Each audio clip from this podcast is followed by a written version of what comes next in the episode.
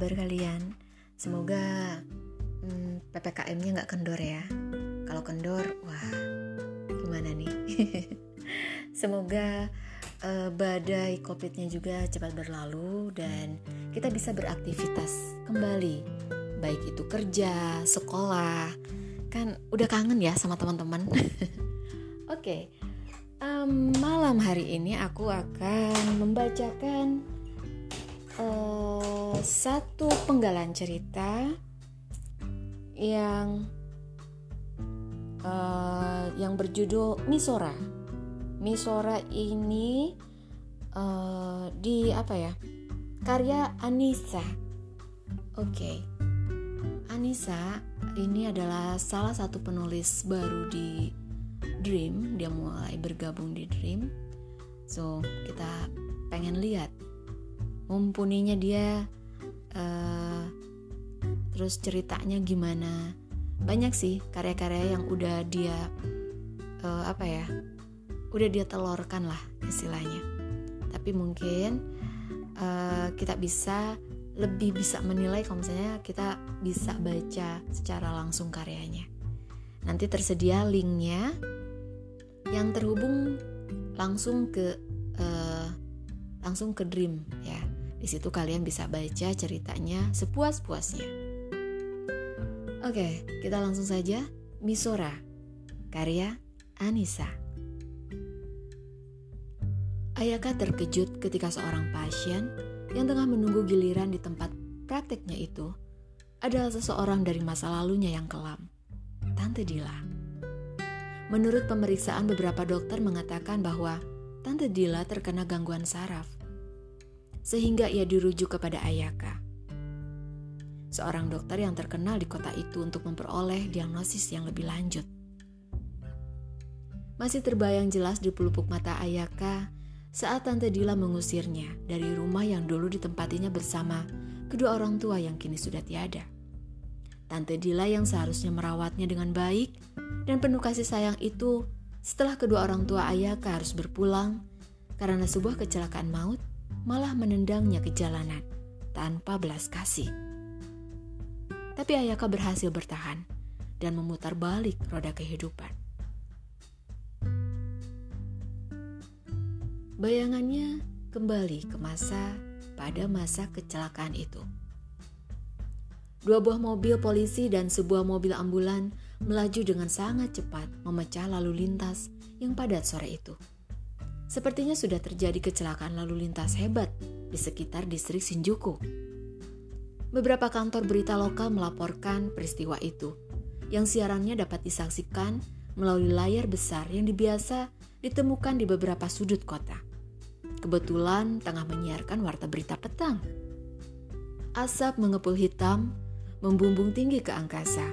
Beberapa kali percikan api masih menyambar mobil naas yang terbalik itu namun sebagian besar sudah berhasil dipadamkan oleh petugas pemadam kebakaran kota yang langsung datang ke TKP kurang dari hitungan jam. Kejadian itu sempat mengundang kehebohan massa, mengingat distrik Shinjuku dan sekitarnya merupakan tempat padat dan ramai. Manusia tumpah ruah, terutama di malam hari pada akhir pekan. Tak heran, kecelakaan lalu lintas yang lazimnya sangat jarang terjadi itu menjadi pusat perhatian. Kobaran api yang berasal dari ledakan bahan bakar mobil tidak hanya melahap mobil tanpa sisa, juga melahap sebagian bangunan lain yang kebetulan berdekatan dengan kendaraan itu.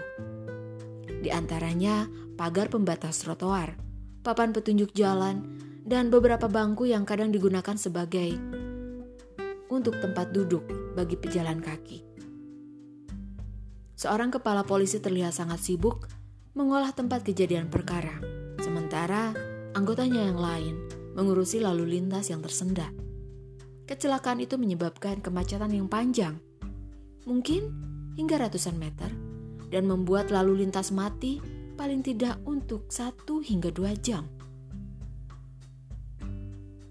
Periksa kemungkinan korban selamat, perintah Inspektur Daisuke. Laksanakan pak. Beberapa anggota polisi mulai menyingkirkan puing-puing mobil yang terbakar. Terdapat tiga jasad yang sudah menghitam dan sulit dikenali di dalamnya. Mereka terbakar hangus.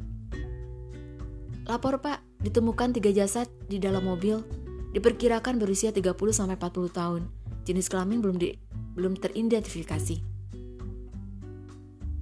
Baik, laporan diterima. Langsung serahkan pada tim forensik untuk identifikasi lebih lanjut. Siap, laksanakan. Jika ada barang-barang pribadi korban yang selamat dan bisa membantu penyelidikan, tolong amankan juga. Siap. Suasana hiruk pikuk sangat terasa. Selain polisi, tim medis pun mulai membawa korban luka-luka lain yang kebetulan terkena imbas kecelakaan tersebut. Kerugian material belum bisa dipastikan secara jelas. Namun korban jiwa seluruhnya berjumlah tiga orang, yakni pengemudi dan penumpang mobil. Sementara sepuluh lainnya luka ringan hingga sedang, mulai dari lecet-lecet hingga luka bakar. Semuanya adalah pejalan kaki yang kebetulan sedang melintas saat kejadian naas itu.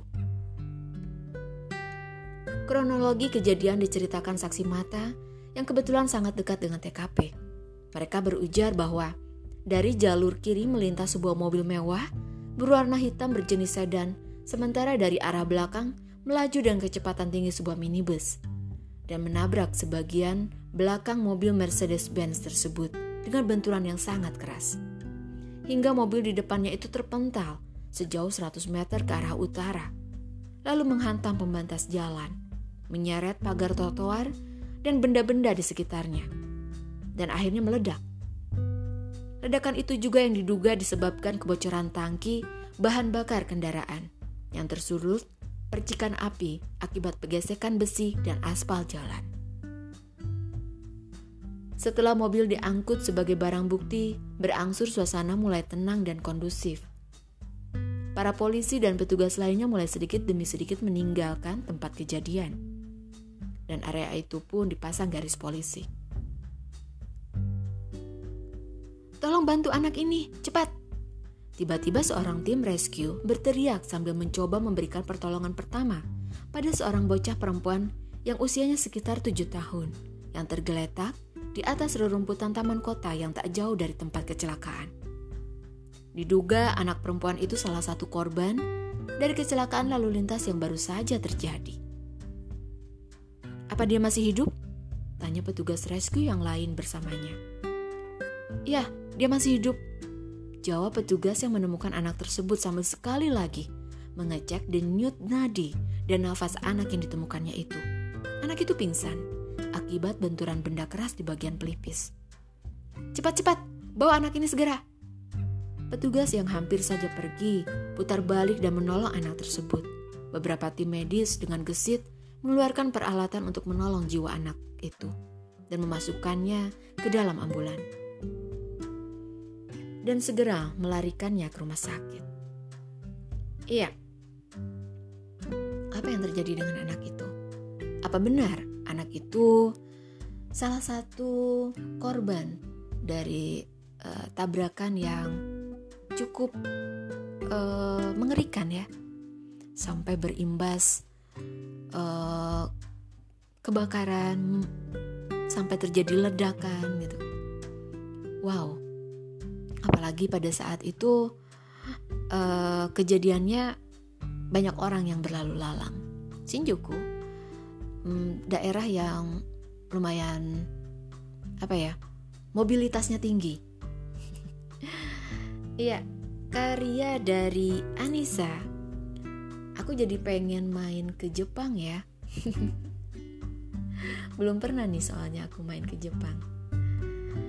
Iya, uh, penuh misteri dan seperti yang tadi dibicarakan di depan uh, Tante Dila, Ayaka, uh, itu adalah tokoh-tokoh utama yang ada di cerita Misora ini. Ya, hmm, buat kalian yang masih penasaran, kira-kira apa sih yang terjadi sama anak itu dan gimana kelanjutannya? Apakah Ayaka yang seorang dokter spesialis itu akan membantu ataupun menolong tantenya? Dan ada tabir apa di antara mereka sebenarnya? So, untuk kejelasannya tinggal klik linknya dan kalian bisa langsung baca ceritanya, baca karya dari Anissa yang berjudul Misora ini. Dan jangan lupa untuk tap love dan follow ya. Uh, apa namanya? Follow autornya. Ya, jadi kalau misalnya kalian uh, jadi nanti dapat notif nih dari kita-kita dari para penulis dream. Kalau misalnya kalian follow penulisnya atau autornya, kalian akan mendapatkan uh, notif dari kita. Ya, jangan lupa uh, untuk mampir di cerita kami di Dream dan jangan lupa untuk selalu mendengarkan podcastku ya. Mungkin beberapa uh, minggu ke depan kayaknya udah mulai aus-aus nih.